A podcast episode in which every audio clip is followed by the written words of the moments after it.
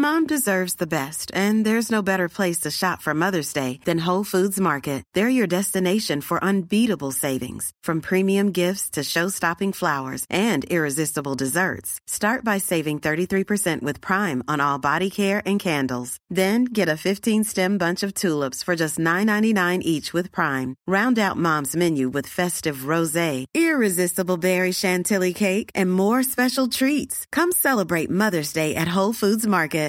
Hey Dave. Yeah, Randy. Since we founded Bombus, we've always said our socks, underwear, and t-shirts are super soft. Any new ideas? Maybe sublimely soft. Or disgustingly cozy. Wait, what? I got it. Bombus. Absurdly comfortable essentials for yourself And for those facing homelessness. because one purchased equals one donated. Wow, did we just write an ad? Yes. Bombas. Big comfort for everyone. Go to bombas.com slash ACAST and use code ACAST for 20% off your first purchase. Hey, it's Paige DeSorbo from Giggly Squad. High quality fashion without the price tag. Say hello to Quince. I'm snagging high-end essentials like cozy cashmere sweaters, sleek leather jackets, fine jewelry, and so much more. With Quince being 50 to 80% less than similar brands. And they partner with factories that prioritize safe, ethical, and responsible manufacturing. I love that. Luxury quality within reach. Go to quince.com slash style to get free shipping and 365 day returns on your next order. Quince.com slash style. Hej och välkommen till podden Fint, fult och pengar. Jag heter Isabella Lövengrip. Och jag heter Anna Björklund. Vad säger den svartvita Met-galan om konjunkturen? Hur har Europas största företag vuxit genom att lura barn? Vad kan en libanesisk matematiker lära prins Harry och Meghan Markle? Vi spelar in det här på tisdagen. Mm. Och eh, hela världen har vaknat upp till att det var Met-gala i New York igen igår kväll. Är det hela världen som vaknar upp till det här? Gud, vad var det som hände? Jag måste läsa på om allt. Det brukar ju vara så att hela världen vaknar upp till att det har hänt någonting. I år tror jag inte riktigt att det var det. Jag har inte känt den så här, wow. Nej, nej. Nej. Det är inte så att vi inte kan prata om någonting annat. Men, och jag tror att det beror på att temat var ju Karl Lagerfeld. Ja, ja, det snappade jag upp. Ja, och det är ju lite märkligt. Alltså för att jag... Det, det har ju varit så här, alltså ganska så här spännande, alltså lite märkliga teman som liksom ha, ska ha utmana gästerna till att göra något sjukt ungefär. Eh, så har det varit de senaste åren. Jag tänker på så här när Lady Gaga dök upp och hade typ ett så här performance när hon klädde av sig en halvtimme på röda mattan. Eller så här, eller när Kim Kardashian kom och var liksom utklädd till Marilyn då, eller tolkade Marilyn, som i sin tur var någon slags tolkning av liksom hela, det var tema Amerika tror jag, att hon Mm. skulle liksom vara så här, representera hela, ehm, hela landet på något vis. Och, och nu då så är det, alltså när man tänker på Karl Lagerfeld, då är det ju, eh, eh, alltså Neddämpat. ja, och det är eh, en Karl Lagerfeld-tjej liksom. Det är ju någon som bara är snygg, smal och svinrik. Och klädd i svart och vitt. Och klädd i svart och vitt, precis. Med liksom sin vikt i diamanter kanske. Mm. Men det är inte liksom, Extravaganta. nej, precis, det är inget performance. Nej, nej men precis. Utan det, det är bara snyggt typ. Ja, för det innan jag förstod att det var Karl Lagerfeld, Ja. hyllningen, så såg jag igenom, eller jag tittade på alla plagg och då blev jag ändå förvånad över att det var så mycket snyggt. ja, precis. Och att det var så mycket Alla såg Chanel. ut som du och jag. Nej, ja! Nej, men, och det var verkligen så vackra gamla Chanel-outfits som hade använts tidigare. Ja. Och, och så bara, aha. För Karl Lagerfeld designade för Chanel. Precis, för Chanel och för Fendi och för Chloé och för, men, men om man tänker på hans liksom stil så är det ju verkligen så här, ja men det, det är svartvitt, möjligen beige och, och ganska så här, det är tänkt att vara tidlöst och så. Kan det här ha varit den bästa Met-galan av alla hittills? Ja, det, men det är ju någon slags skifte då för att alltså är det det kanske också var den tråkigaste menar jag. Mm. För att det har ju varit, det har varit väldigt få rubriker och Mm. just, ja men hur många liksom eh, eh, perfekta kvinnor i eh, vit, beige, svarta kläder kan man se liksom. Eh, och jag tänkte bara, är det här vi är nu? Att det är, att är kulturen liksom trött på en, en konstnärlig tolkning av en eh, gudinna, liksom, eller en eh, ironisk kungakrona, eller eh, sånt som det har varit nu. Alltså att man, man är trött på tjejer med liksom blått hår och jättekonstiga kläder som ska liksom berätta någonting. Som har, utan att man bara vill se så här, nej men en rik smal tjej som liksom har en stor båt. Alltså att, man, att det är det Bara den kulturen här klassiska Chanel-klänningen. Ja. Men kan det inte bero på, kan det inte bero på det som vi har haft som röd, rött tema i alla avsnitt? Ja. Att det börjar närma sig en lågkonjunktur. ja precis, är det det är det, det det är? Att, att under en högkonjunktur, då måste man utmärka sig genom att, att, eh, att, det, ska liksom, att det ska säga någonting. Ja, Men nu, är det, nu räcker det att bara vara rik. ja. Ja. Bara ta på sig något lyxigt hemma som funkar. Ja. Man har inte samma behov av att skapa uppmärksamhet kanske på Nej, samma sätt. Men jag håller med. Det, av de outfitsen jag såg så var det inte så mycket som var extremt. Det var inte så kul. Nej, det var inte så kul. Men det var fint. ja. Ja. ja. Men och det här, om det här är ehm, den, den nya tidens liksom eh, mode, alltså det hänger kanske ihop med eh, LVMHs nya siffror. Visst hade du koll på dem? Ja, under det senaste kvartalet då så visade LVMH en, att de har ökat med 18 procent totalt med alla deras, hela deras innehav. Precis, och det här kanske inte alla som eh, lyssnar på den här podden vet, eller så gör de det. Men eh, det är då eh, en koncern av lyxmärken, som, det står för då Louis Vuitton Moet Hennessy. Ja. Mm. Och eh, eh, men de äger till exempel Dior, eh, de äger inte Chanel tror jag. Nej, men de har till, massa klockor, Dior, Tiffany, Just Tag- eh, Tag Heuer, klockmärket, det. Dom Perignon. Mm. Så att de har ju verkligen, så så här, alla lyxmärken har de Ja. bara svalt i deras koncern. Ja. Och det har lett till att ägaren, den stora ägaren eh, Bernard Arnault, Mm. han är världens rikaste man sen. Precis. Och eh, när han blev det, då, då var det mycket för att de andra halkade ner. eh, men nu... nu eh, alltså det här, och det här, alltså det här är ju såklart en stor grej i modevärlden, liksom kanske att, att eh, hur det går för de här företagen och så. Men det är ju faktiskt även en stor grej liksom i, ehm, i den europeiska ekonomin. Alltså eh, Hermes är väl, det är väl ett av Europas största företag nu.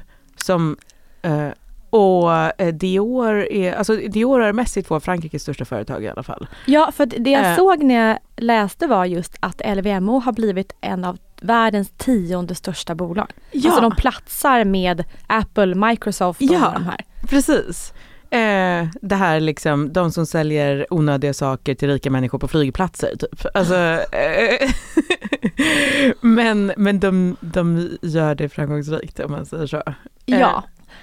Och, men det ska man titta på rent så här strategiskt hur man har tagit sig och blivit så stor och fått en ökning på 18 procent det senaste kvartalet. Mm.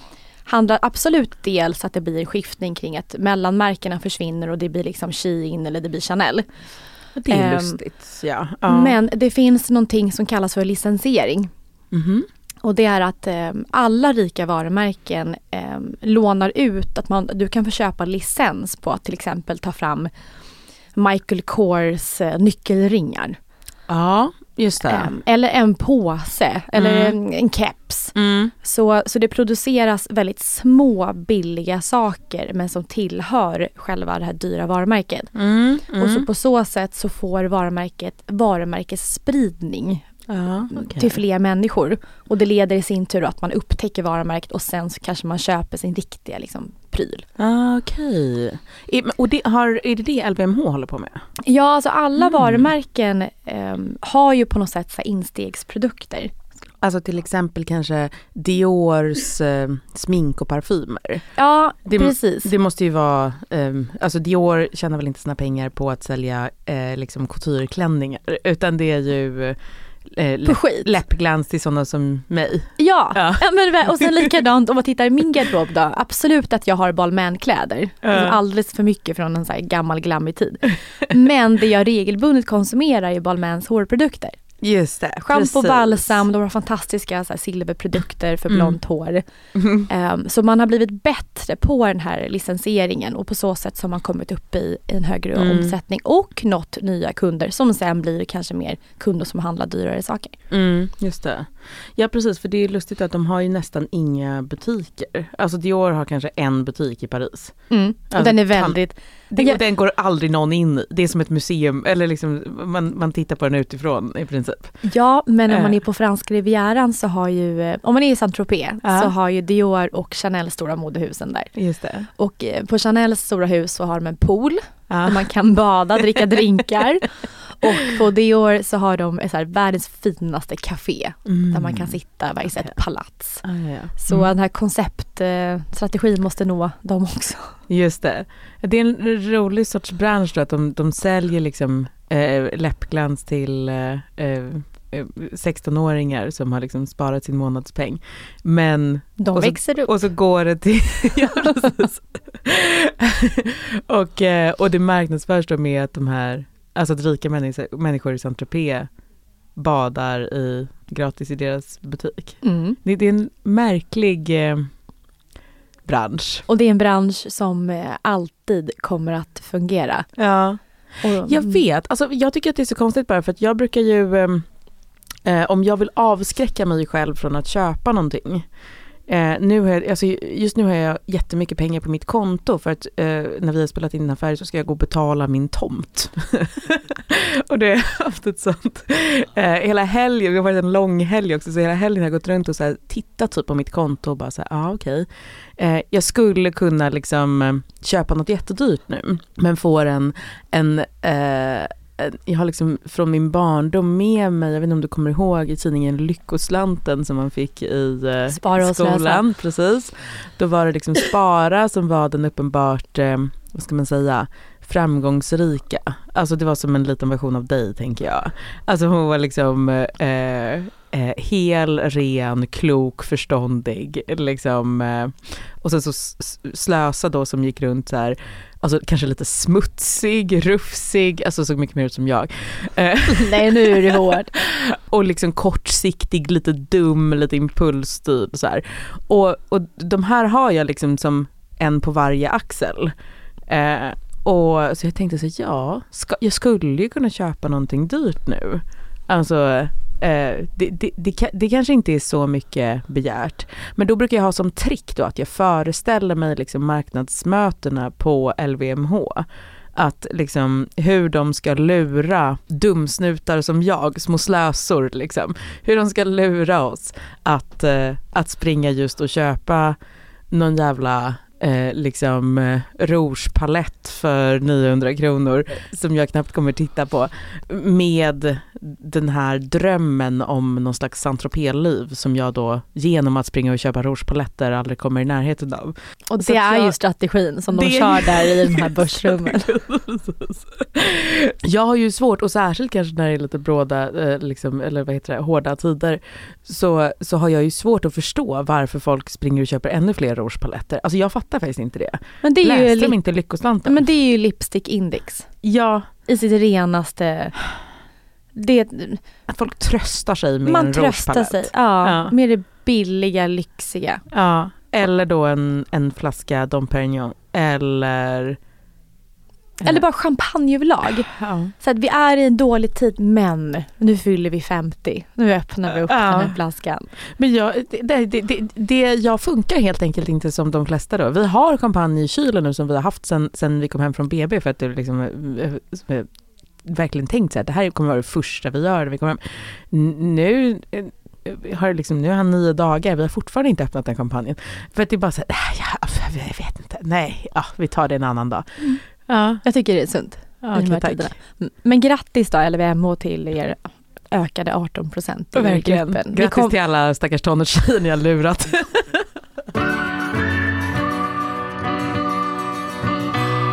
När man hör ordet intriger, Mm. då tänker jag på så här tjejer i tonårsåldern. Ja. Eller podd, tjejer som poddar som bråkar med varandra. Har erfarenhet av båda, absolut. Men man tänker ju inte på Riksbanken. Nej, borde man det? Ja men det har börjat bubbla upp nu, irritation. Intressant. Mm. Och den här, eh, vad säger man, tjafset inom eh, Riksbankens ledamöter har säkert alltid varit där men det är väl någonting som börjar bli mer så här offentligt. Mm. Och, och då är det så att det finns en extremt så här, stark hierarki Mm. i Riksbanken. Och, och man kan tycka när man som vanlig, så här, vanlig person, om man tittar på Riksbanken och ser man deras titlar så är det väldigt många så här, vice eh, riksbankschefer. Just det, för de är, eh, vad är de? De är typ sex personer. Nu Och- blir de fem. De blir fem, ja. Mm. Och så är de, de är väldigt hårdbevakade. Och alla har väldigt mycket prestige i detta. Ja. Ehm, det låter ju som, alltså om man tänker på familjen Wahlgren eller vad, vad som helst, jag vet inte, som att, att det är liksom en situation där eh, det, det kan trigga en del eh, eh, konflikt. Ty, tror du att Erik eh, Thedéen tycker om att jämföras med Pernilla Wahlgren? Vem är han i, är han Benjamin? äh, förlåt, förlåt. Ja. Ja, men då, eh, så det finns en riksbankschef och det är Erik Thedéen. Och sen Mm. så har de en förste vice riksbankschef och det är alltså den som står precis snäppet under Erik Mm, Thedéen. mm, Och hon heter Anna Breman. mm. Och hon, Anna Breman, ehm, liksom bråkar väldigt mycket med Erik Thedéen och ehm, säger liksom emot. Mm. ehm, och tycker inte likadant som Mm. Erik just kring Det räntehöjningarna. här har jag hört lite också. Mm, Men hon- de är eniga eller? Röst, hur röstar de? Vet Ja. man hur de röstar? Ja, Ja, ehm, då har vi Anna Breman och hon har också då stöd från Martin Flodén. okej. Så det är två av sex som ligger liksom och irriterar. Mm, mm. Och när de andra fyra eh, röstar för då att det ska, ska bli räntehöjningar, vilket jag är väldigt positiv till, så kommer de här två då ehm, och inte vill det. Och den här Martin Flodén, han har röstat emot majoritetens räntebeslut sju gånger. Mm. Så han verkligen fortsätter att ligga Okej. på och säga nej. Ja, och han vet att, att, eh, att eh, eh, det kommer bli som han inte vill ändå. Men han vill ändå markera mot de andra att bara så ni vet, jag är inte med på det här taget. Ja, och det han måste bettar mot marknaden eller vad man ska säga. Och det måste ju vara typ om tio år när allting har kraschat. Då kommer han kunna Mm. Det är säga det så han, här. Ja precis, kolla Jag. min statistik. Ja. Jag var inte med på det här. Nej, det är de och de och de. Ja. Precis, så det är någonting Just det. Mm. Men det som händer nu, vilket är ehm, lite spännande men någonting som jag inte gillar i och med att jag hejar på Erik Thedéen och hans strategi. Det är att när de går från sex ledamöter till, till fem Mm. så kommer inte Erik Thedéen ha samma utslagsröst. Mm. Och, och så var det för eh, Ingves. Mm. Han kunde alltid gå in och ha den sista rösten. Mm. Vilket gjorde att det blev i princip som han ville. Och, Om han inte blev bortkuppad då, men det blev han aldrig på eh, 18 år eller vad det Nej, var? Eller? hur? nej. Mm. Men nu i alla fall när det inte tillsätts den sjätte då så kommer de inte ha lika mycket makt. Så nu kommer det bli ännu mer drama i, med Riks, inom Riksbanken. Mm, jag förstår. Ja. Så, ehm, och ehm, Och för mig då som, eh, jag är väldigt tveksam till eh, eh, kraftiga räntehöjningar. Eh, jag tycker det verkar idiotiskt. Särskilt nu när det, en, en drivande faktor i inflationen är de höga räntorna. Alltså, driver det är väldigt konstigt argument. Ja men, Att, det, att de dyra räntorna driver inflationen framåt. Ja men det för de är med i konsumentprisindex som är då den här idiotiska siffran som eh, Riksbanken väljer att utgå från. Mm, Det är Eh, väldigt konstigt. Ja, det är väldigt konstigt. Mm. Ja. Ehm, men ehm, borde jag då välja den här Flodéns sida? Är det min kille liksom? Eh, jag vet att alltså, vi kan ju inte rösta på de här människorna som vi pratat om tidigare. Martin Flodén, är det honom jag ska ha på en t-shirt då så att säga? Att jag, ja, okej. Att du hejar på För Martin. han vill då ha lägre räntor, eller? Ja och precis och Anna Mm. Breman också. Så det är de här två. Så att det är Mm. precis så du får göra någon kampanj ja. nu med Martin. Heja Martin, ner med Erik. Ja. Nej men det, men eh, och tittar man på andra länder nu ehm, så börjar det många länder som börjar tänka så här, nej men inflationen kanske har toppat, vi Mm. ska sluta höja räntorna och Mm. ehm, två av de länder som redan har gjort det är Kanada och Australien.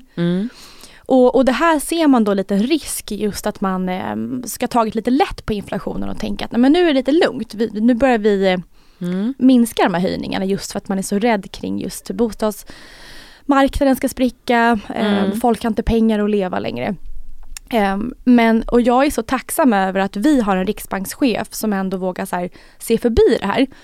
Och Erik Thedéen gick också ut och sa just att det här elstödet som Mm. många har fått hem nu, Mm. eller får om det i juni, att det har också drivit upp inflationen.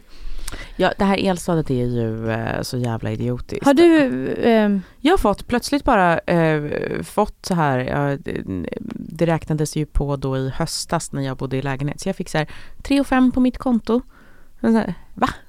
Varför det? Som jag inte bett om, inte ansökt om, inte visste skulle hamna där ens. Alltså jag trodde inte att, eh, jag trodde det var någon annan som skulle få elstöd, du vet, någon som bor i ett hus som drabbats. Eh, de bara dök upp. Alltså det, det är ju, eh, man, man känner ju verkligen av så här att det här var ett beslut som, som togs under en valrörelse. ja. Att det här är bara, det är bara Mm. väldigt märkligt. Och det man har sett är att folk har ju konsumerat för det här beloppet. Ja det var ju som att få en konstig bonus för någonting som man inte, för, för egentligen då att man brände för mycket el under en period när el inte ens var så dyrt. För det var ju fram till oktober. Att jag under sensommaren Alltså det, det är he, he, helt idiotiskt liksom, helt idiotiskt. Att jag som hade råd eh, använde lite för mycket el under en period när den inte var eh, krisdrabbad. Mm. Alltså det, ja, Nej, det stämmer inte. nej. Men så det vi ser i alla fall, vi börjar se en trend där alla förutom eh, vad säger man, Riksbankens majoritet då, eh, många andra länder säger att vi börjar nå en topp på inflationen, framförallt i USA, nu kan vi börja backa. Mm. Eh, och jag, om jag då får vara eh, Martin Flodén och säga någonting för mitt eget varumärkes skull så jag kan Mm. titta tillbaka och säga vad var det jag sa? Ahaha. Så, så säger jag det att eh, vi måste fortsätta höja räntorna och gå på fortfarande hårt. Och till och med när inflationen har toppat eller är på väg ner så måste vi fortsätta ha höga räntor ett tag till. Vi får inte bara mesa till oss. För vi börjar, vi människor, acceptera att papri- alltså paprikan är dyr. Ja, det har jag i och för sig också eh, sett och det är jag ju lite positiv till. Alltså att, eh, att hushållen liksom verkar ha eh, anpassat sig och det Ja. är ju bra. Ehm, Nej, det är farligt för då börjar vi ändå konsumera mer. Alltså det stora problemet som vi har i Sverige nu med vår ekonomi, det är att vi så skrattar åt den dyra paprikan och inte får panik över den. Nej, precis. Eh, just det, du tycker att vi borde liksom rygga ännu mer i... Eh, ja, jag köpte faktiskt paprika för första gången på länge. Det är väldigt svårt nu eftersom ingen köper... eh, Jag tror, jag tror, min, mina fältstudier från Konsum var att ingen längre köper paprika, att den ligger, så att det går inte att all paprika är rutten i affären. Just för att paprikan har blivit en symbol för det man inte får röra. Så att hittills verkar det lugnt, folk verkar livrädda. Du, du har fått som du velat.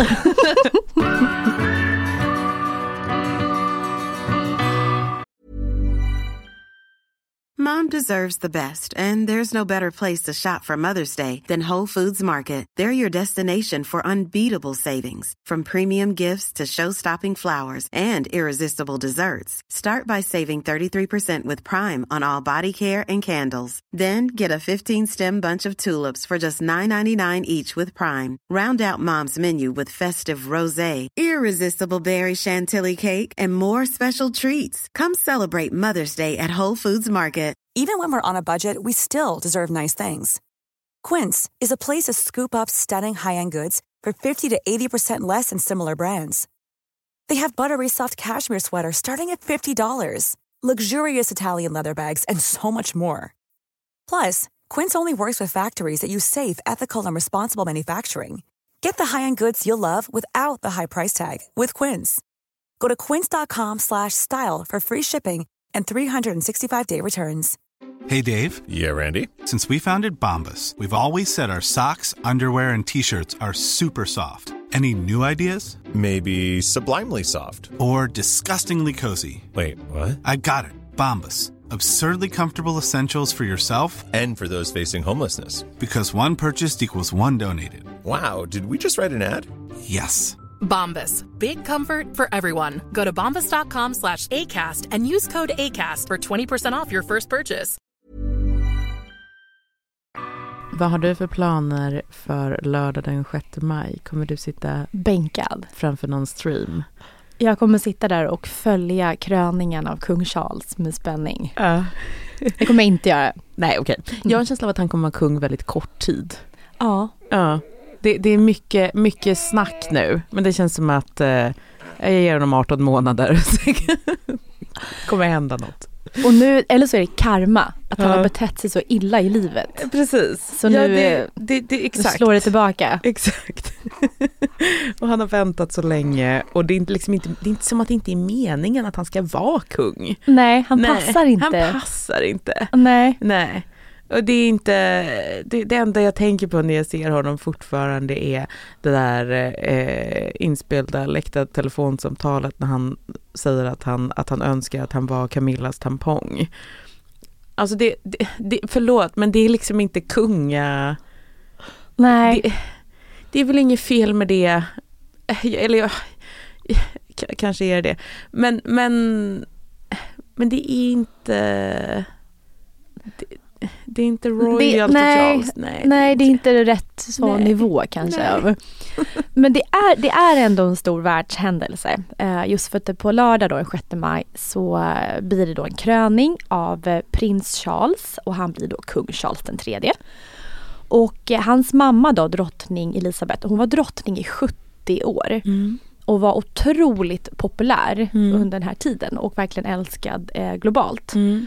Så det är precis som du säger, det, det, jag tror att folk, det är lite sådär, det, man vill kanske, man är inte så peppad på den här kröningen. Nej, men hon kanske hade lite någon så här eh, eh, Jan Stenbeck problem egentligen. Att, att eh, hon var jättebra men hon hade ett, ett stort problem och det var liksom att hon, alltså hon kanske faktiskt inte var en så himla bra mamma. Nej. Utfallet är ju sådär liksom i alla fall. Alltså att förbereda nästa generation det säger ju många makthavare är liksom den, den stora riktiga uppgiften liksom. Och eh, där får man ändå säga att det, det, Det gick inget. det gick sådär. Ja. Men det är, alltså det är svårt att vara en heterosexuell vit man idag och bli populär.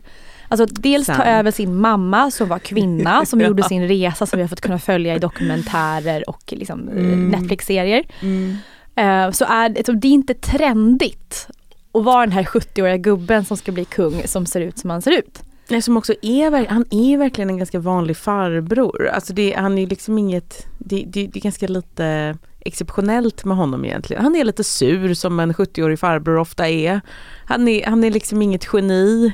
Nej. Är, Men det som är spännande nu tycker jag är att han försöker då profilera sig och göra om sitt varumärke. mm. Ja. Så det han då, eh, han, Lycka till. Förlåt. så han pratar ju nu mycket om då den här klimatkrisen. Ja, men han är lite så. Han gillar ju blommor och han gillar, eh, han gillar gamla hus. Och sen då någonting som han ska göra då för att stärka sitt varumärke är Mm. att eh, han ska mod- modernisera monarkin genom att det är gemensam kröning för både mm, han själv då men även för eh, drottningen eh, Camilla. Aha. De ska liksom få bort den här att bara den här kröningen är en manlig sak utan det är också en, en, Mm, eh, en jämställd sak. Aha. Men då är problemet att alla hatar henne jättemycket. Ja, precis. Man ser bara henne och den här tampongen som det man inte kunna... Men och just för, för att förstärka den här att här kommer den här miljö, liksom eh, kämpen kung Charles. Så, så vis, hade Jordnära och jämställd. Ja, är det exakt. det kungen Ja. av England ska en av folket. Ja. Och det som var så speciellt var när man såg inbjudan till den här kröningen. Ja, den såg jag också. Den var ju väldigt fin. Mm. Jag hade inte haft något emot den till min kröning. Den, den var jättesöt. Den, den såg ut lite som du hade som du hade kunnat. För, den, den, för den, det var ju väldigt mycket så här blommor, en vacker. Och den Men var lite skissig och fin så här. Ja. Men det som var det som var lite så här, som folk tyckte var lite märkligt var att det var den här hedniska gröne mannen på. ja. Och um, det är då um, ett ansikte på en man där det kommer ut massa blad i ansiktet. Mm. Alltså typ en bladman. Mm. Och den här bilden um, brukar man se i kyrkor. Mm. Och det är nästan den, det är en av de få tecknena som är från den här Um, alltså ett, ett hedniskt uh, motiv i en kyrka. Mm. Jag har bara stött på den här gröna mannen i eh, det finns ju på majsförpackningarna eh, och sen så i eh, så konstig fantasy som jag läste när jag var yngre. Eh, som kanske är skrivna av britter då för att det är väl någon, någon, en brittisk, eh, ett brittiskt troll eller vad man ska säga. Så jag, det var bara lite märkligt att den symbolen konstigt. hamnade på gröningsinbjudan. Vad är motsvarigheten som att vi skulle ha liksom någon sån Elsa Beskow-tomte på vår inbjudan? Eller någon så här, lite så? Ja men lite så. Ja. Hmm. Ja, nej, men det ska bli spännande att följa och eh, sen har det då, det har skrivits tusentals artiklar, eh, inte om, om honom utan då den stora frågan. Kommer Harry? Och Meghan på bröllopet. ja. Och, ja. och då har man, eh, Harry då tackat ja men Meghan då ska vara hemma med, med barnen i Los Angeles. Mm, mm.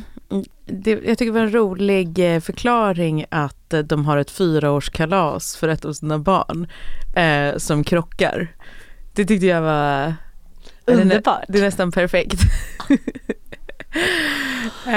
alltså, men jag tycker det, det, är nästan någon så lite filosofisk um, Alltså det, för det är någonting som är intressant och jag märker så här att även, vad ska man säga, eh, vuxna människor som, som har självbilden av att de inte läser skvallerpress eller bryr sig om sånt, bryr sig ändå lite om det här. Mm. Alltså jag lyssnade på eh, Sveriges Radios, Radios nyhetspodd där det var så två liksom, eh, medelålders journalister som satt och de var lite så här generade, typ fnissade lite men och så erkände för varandra att de hade sett den här Netflix-serien med Harry och Meghan och, uh, som kom i höstas. Och jag har tänkt lite på det på sistone, på saker som är jobbiga och hur man tänker på dem. Mm. Om man har liksom någon slags inställning som är så här att okej, okay, jobbiga saker händer i livet. För Harry då kanske, ja men det är såklart att det var ganska jobbigt när hans mamma dog till exempel. Eh, och eh, så är ju faktiskt allas liv att i olika grad så upplever man grejer så. Och Uh, Eh, förra veckan till exempel då, då var jag på fyra olika återbesök på BB och då märkte jag så att första gången jag var där så eh, när jag gick in i de korridorerna liksom på SÖS, eh, på sjukhuset så, eh, så började liksom tårarna bara forsa. Eh, för att sist jag hade varit där, liksom någon dag innan då, så hade jag ju fött barn. Och, och det här är ju liksom ett, jag, jag märkte då att jag direkt började började tänka så här, oj, är det här ett trauma? Har jag, varit, har jag ett trauma? Har jag varit med om någonting? Har det här liksom ristat, eh, eh liksom eh, format nya nervbanor och skapat ett sånt mönster eller slår det här an någonting i min i min barndom, så utsatt som jag kände mig när jag hade sådär jätteont för några dagar sedan.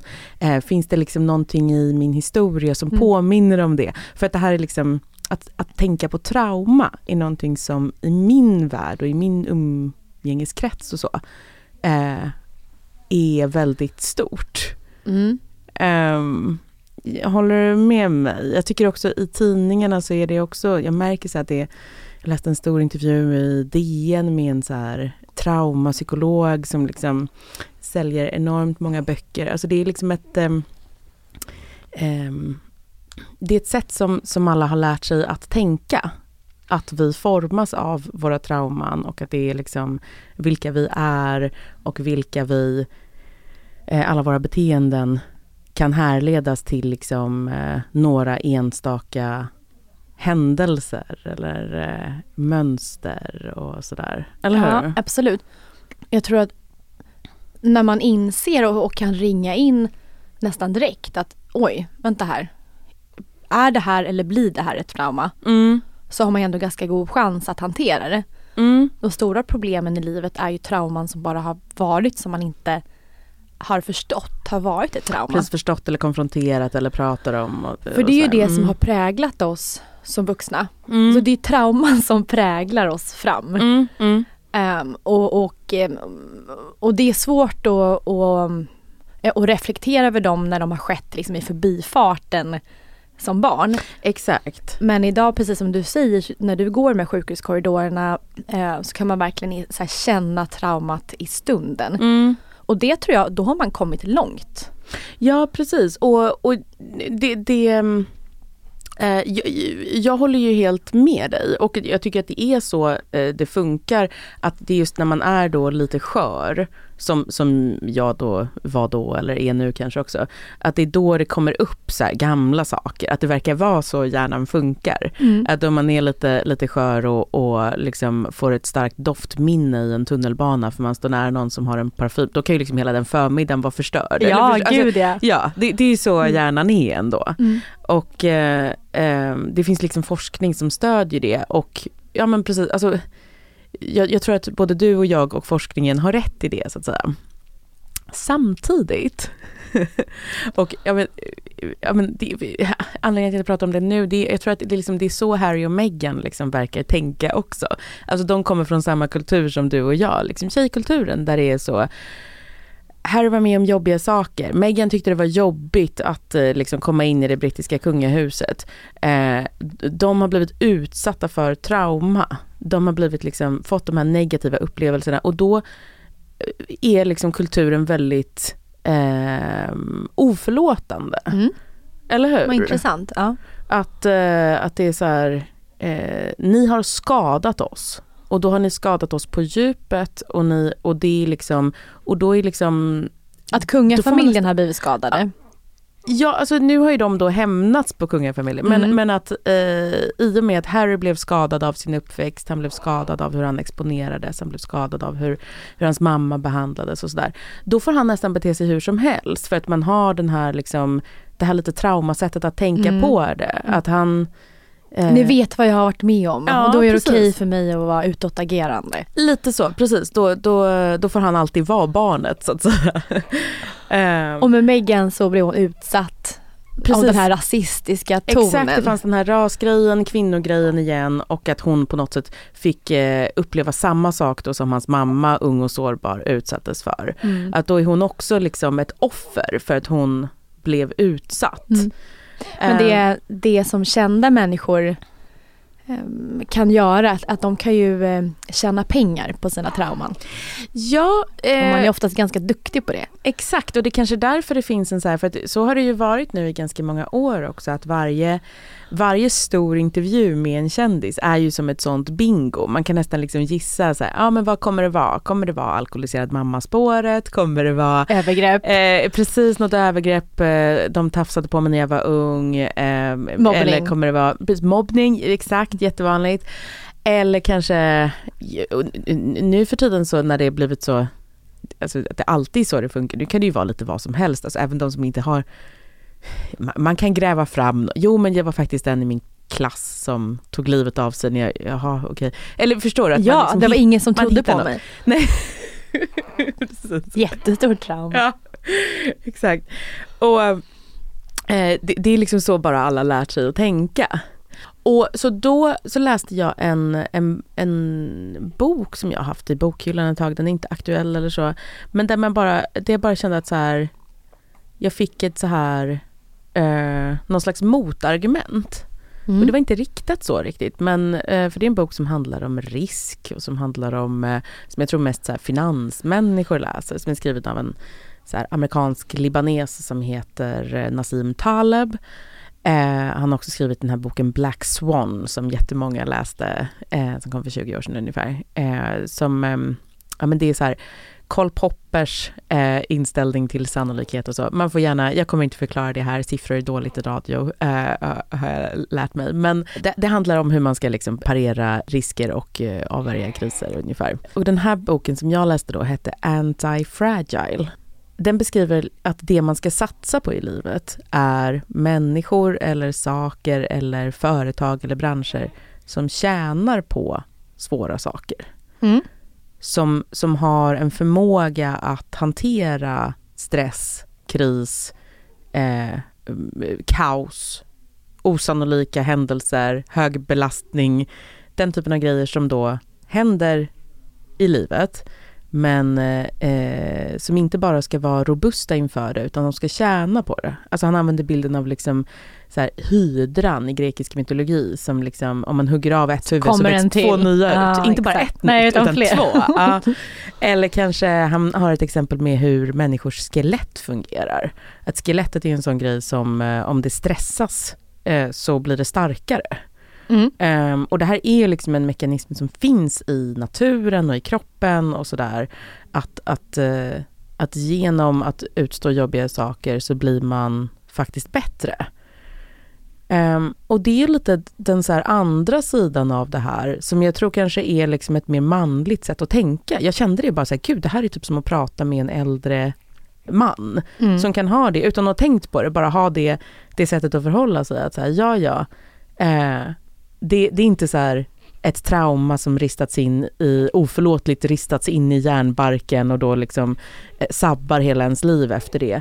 Utan att det kanske är så här en, en nyttig läxa Mm. eller f- förstår, en erfarenhet som man kan lära sig någonting av. Att det är den här mannen som skulle förklara det så att så här Det är så mannen skulle Ja, säga. jag förstår. Mm. Och jag känner att så här, ah vänta, det, kan, är, är det, det, det är så här liksom brittiska kungahuset tänker. Det är så här, Att det är bra med någon, någon form av, det händer någonting. Eh, Jag läste den här boken för jätte- jättelänge sedan. mm, Eh, och jag tycker den, den är jättebra. Just det, han är lite, det- han skriver också alldeles för långa böcker. Han hade kunnat sammanfatta det på några sidor känner jag hela tiden när jag läste. Men, men, eh, ja. Men du menar att, att eh, precis, för, för vissa saker mår bra av de här chockerna, av stressen och ja allting. precis. så kanske skulle hela den här Meghan Harry göra då så att kungahuset till slut blir mer populärt än vad det var innan. Ja, exakt. Och kanske så här, alltså Harry kanske ändå borde se det som att det är just hans fall, att han kanske är ett ganska bra exempel på detta. Att genom sina jättesvåra erfarenheter av både pressen och eh, eh, hur, hur liksom brittiska tabloider beter sig, hur hans mamma har behandlats och så vidare. Eh, så har, har ju han liksom ett gäng erfarenheter och någonting som han ju helt uppenbart använder i sitt nya liv. Han är antibräcklig. Han är antibräcklig, exakt. Och jag tror Meghan är det också, eh, verkligen. De har ju förvaltat det här och liksom kapitaliserat på det och har lyckats forma sitt egna nya liv eh, på grund av det. Att Mm. de har de här kunskaperna. Och, och ja, Ja men absolut. eller hur? Ja. Så han borde ju liksom säga tack till sina trauman i så fall. Eller i alla fall kanske sluta gnälla om dem. Han borde Precis. läsa en sån här eh, finansgubbebok och bli, förstå att det är det som är det sanna privilegiet. Det är inte titlarna utan det är den här unika erfarenheten av just den typen av svårt. Mm. Det finns ju ett till, precis, för ehm, han författaren eh, Nassim eh, Taleb, han, skrev, Mm. han skrev ju en bok då innan som du nämnde som heter Svarta svanar, Black Mm. Swan. Eh, och han säger exakt det du säger, ehm, att någonting som har en väldigt låg sannolikhet som Just kan det. ske, Ja, kan få enorma förödande konsekvenser. precis. Och det är precis som man säger att, att så här, sannolikheten att han skulle träffa en amerikansk skådespelerska mm. och göra uppror mot den här kungafamiljen är ju väldigt låg. Ja, Men, men det fick så globala konsekvenser. ja exakt. Så, han kanske, så du säger att han ska vara lite glad över det? Ja, jag säger att jag tror alltså till att börja med att det är liksom lite ett manligt och ett kvinnligt sätt att tänka faktiskt. Mm. Alltså att det har blivit så att det är liksom, om man tänker att det är så då att, att ehm, eh, män och kvinnor har mer olika värderingar, kanske eh, röstar mer olika och så vidare. Eh, jag tror att den här, det här sättet att kräng, tänka till, kring liksom trauma och liksom vem som är ett offer och inte, det är ju liksom det som är den stora skillnaden. Jag kommer ihåg till exempel när Trump blev, blev vald till president så, så det kom en så våg av folk som sökte vård för att de ansåg att det var liksom ett trauma. Man kallade det för ett nationellt det trauma. Ja, och just för att liksom traumapsykologin är eh, bland just kanske kvinnor eller människor som delar de kvinnliga värderingarna då. Liksom. Mm. Ja. Så du menar bara översätta Eh. på en människa är att Ja. om man strävar efter att vara antibräcklig i sina trauman så kommer man väldigt långt. Alltså då blir det som Hydra som får två huvuden plötsligt. Ja precis, jag tänker precis, man borde, eh, de som har de här kvinnliga värderingarna, som jag, jag tror även är du och jag liksom, eh, och det sättet att tänka. Man borde ändå lite um, förstår det från, jag försöker hitta en mellanväg här helt enkelt. Jag försöker liksom fredsmäkla mellan de här liksom lite kanske eh, sociopatiska liksom gammal, gammal äldre man inställningen som är så här, vadå då, det som inte dödar dig gör det väl starkare. Gud, jag är lite sån. ja, Jag hamnar alltid i moderata gubbfacket. Ja. Har du inte Ja. märkt det? Jo, jag vet. Men jag, jag är också, eller det... Ehm, jag, jag, jag tror bara att, ehm, att istället för att hela tiden leta efter en förövare och leta efter ett brott som har begåtts mot en eh, så kanske Harry skulle tjäna på att se att ja, livshändelser formar en och det behöver inte vara någons fel. Och det som är jobbigt behöver inte vara bara dåligt. Det är det typ jag försöker säga. Mm. Och så vill jag att alla ska bli sams och komma överens för det är min mellanbarnsroll.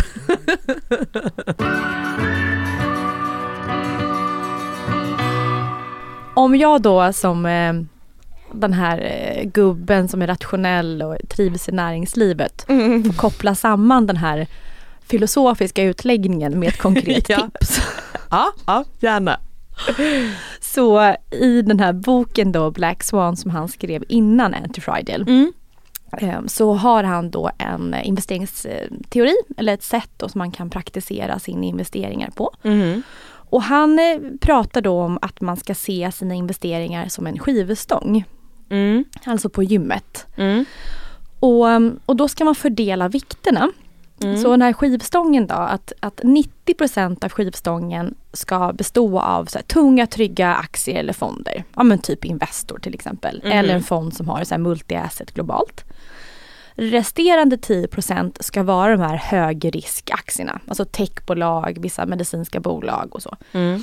Och, um, då, och då kan man ju tänka att den här 90-10 skivstången att den kommer tippa rejält åt att den, den väger 90% åt ena hållet. Mm. Men enligt hans då eh, statistik och hans filosofi så säger han då att statistiskt så kommer den här 10% delen av stången ha så bra avkastning att de till slut så blir eh, stängerna både, alltså den blir jämn. Mm. Så du får en ha, hög avkastning eh, på att inte ta så mycket risk också. Alltså du tar jättemycket risk men samtidigt så tar du inte risk. Nej. Så du får båda balansen, en stabil portfölj men ändå med hög avkastning. Just det, precis. För det han ehm, letar efter hela tiden, eller det han säger är väl hela tiden att man ska aldrig, eh, den här grejen med just alltså eh, bilden av den svarta svanen då, är ju liksom att, att bara för att någonting, bara för att, man all, bara för att man alla svanar man hittills sett har varit vita, så finns det ingenting som säger att inte nästa svar, eh, svan kommer vara svart. Mm. Alltså det är det att, eh, eh, att eh, och att ja, mäns, människans hjärna liksom funkar inte så utan det är någonting man måste påminna sig om. Jag tror det finns nämligen någon art med svarta svanar i Australien eller vad det nu är. Eh, så det, Det kan alltid hända det någonting kan alltid hända, precis. som inte är sannolikt. Exakt, och det är därför det finns börskrascher. Det är därför det finns liksom den typen av stora kriser. För att eh, när alla springer åt samma håll och tänker att nej men svanar är vita. Eh, ekonomi funkar på det här sättet. Därför, ja, så, alltså, det är alltid någonting som man inte förväntar sig som kommer att hända. Och det är därför man måste ha just den typ, de här 10 procenten du pratar om. Det är alltså de man ska ha då som är då mer Ja men som hydror som tjänar på att, att saker, att konstiga saker händer. Ja, och det att är en, allting svänger. precis. Och med Mm. den teorin så är det det enda sättet som du kan bygga en högre avkastning till en Mm. lägre risk. Precis. Men jag har För aldrig hört någon praktisera den här investeringstekniken eh, på riktigt. Inte? Mm. Nej. Mm. Ehm, Just att man vågar ha en sån hög extrem Mm. riskprocent på 10% mot sin 90 och sen att det faktiskt eller det har jag nog kanske själv gjort men att utfallet inte har, alltså det har inte kommit den här Black, Black Swanen utan man har Nej. bara hållit sig till, det har blivit bara rent statistiskt vad det ska bli. Just ja, för att svarta svanar händer ju då inte så ofta heller. Så att om du sitter med den här 90-10 eh, liksom eh, fördelningen så, ja det kanske då är en gång var 20 år som du får nytta av de här 10 procenten. Ja. Och då kanske... Men, och det här gäller även i, i karriären. Ja. Alltså tittar vi på vissa yrken. Ja precis, exakt. Jag tänker att det här är ett sätt att tänka På allt. om sitt liv. Ja, Ja, på allt. Om Ja. vi tittar till exempel att vi har eh, tusen personer som skriver böcker. Ja. De kommer så släppa, de kommer sälja x antal x av sina böcker. Ja, här, ja. Och medelsnittet, nu hittar jag bara på, är att varje författare skri- eh, säljer 100 böcker var. Mm. Eh, men så kommer tusen person ett. Mm. Och den här person, extra personen då heter Astrid Lindgren. Mm. Ja men precis, exakt. Och ja, Då blir det extremt. ja, hon blir ju Black Swan. ja. Så, så med det kanske man bara ska säga att här, även om statistiken går mot dig Mm. så blir det en ny Zlatan, det blir en ny J.K. Rowling, det blir en ny Astrid Lindgren. Exakt. Det kan ju den människa, mänskliga hjärnan liksom ändå ofta, att man går runt och hoppas liksom på ett underbarn eller ett mirakel. Eller det verkar ju här, hjärnan ha typ lite eh, fallenhet för. Att hjärnan kan ändå drömma, hjärnan kan hoppas och så. Eh, men att det är de här oförutsedda kriserna som är det som hjärnan är så himla dålig på att se. Att så här, dammen brast plötsligt. Va? Det har den ju aldrig gjort förut. Liksom. Det kan väl inte hända. Eh, Exakt. eller något liknande. Och det är det han då vill förbereda oss på. Det är det han då vill att vi ska också eh, inte bara överleva utan kunna dra nytta av. Precis som Harry och Meghan.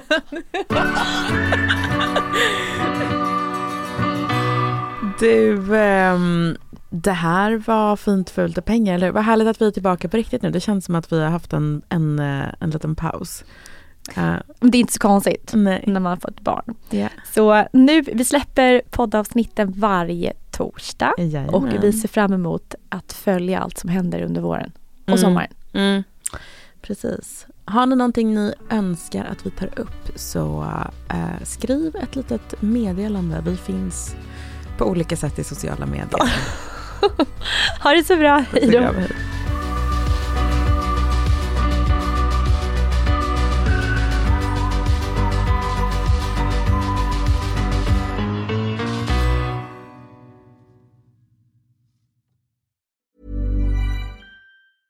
Mom deserves the best, and there's no better place to shop for Mother's Day than Whole Foods Market. They're your destination for unbeatable savings, from premium gifts to show-stopping flowers and irresistible desserts. Start by saving 33% with Prime on all body care and candles. Then get a 15-stem bunch of tulips for just $9.99 each with Prime. Round out Mom's menu with festive rosé, irresistible berry chantilly cake, and more special treats. Come celebrate Mother's Day at Whole Foods Market. Even when we're on a budget, we still deserve nice things. Quince is a place to scoop up stunning high-end goods for 50 to 80% less than similar brands. They have buttery soft cashmere sweaters starting at $50, luxurious Italian leather bags, and so much more. Plus, Quince only works with factories that use safe, ethical, and responsible manufacturing. Get the high-end goods you'll love without the high price tag with Quince. Go to quince.com slash style for free shipping and 365-day returns. Imagine the softest sheets you've ever felt. Now imagine them getting even softer over time. That's what you'll feel with Bowl and Branch's organic cotton sheets. In a recent customer survey, 96% replied that Bowl and Branch sheets get softer with every wash. Start getting your best night's sleep in these sheets that get softer and softer for years to come. Try their sheets with a 30-night guarantee. Plus, get 15% off your first order at bowlandbranch.com. Code BUTTERY. Exclusions apply. See site for details.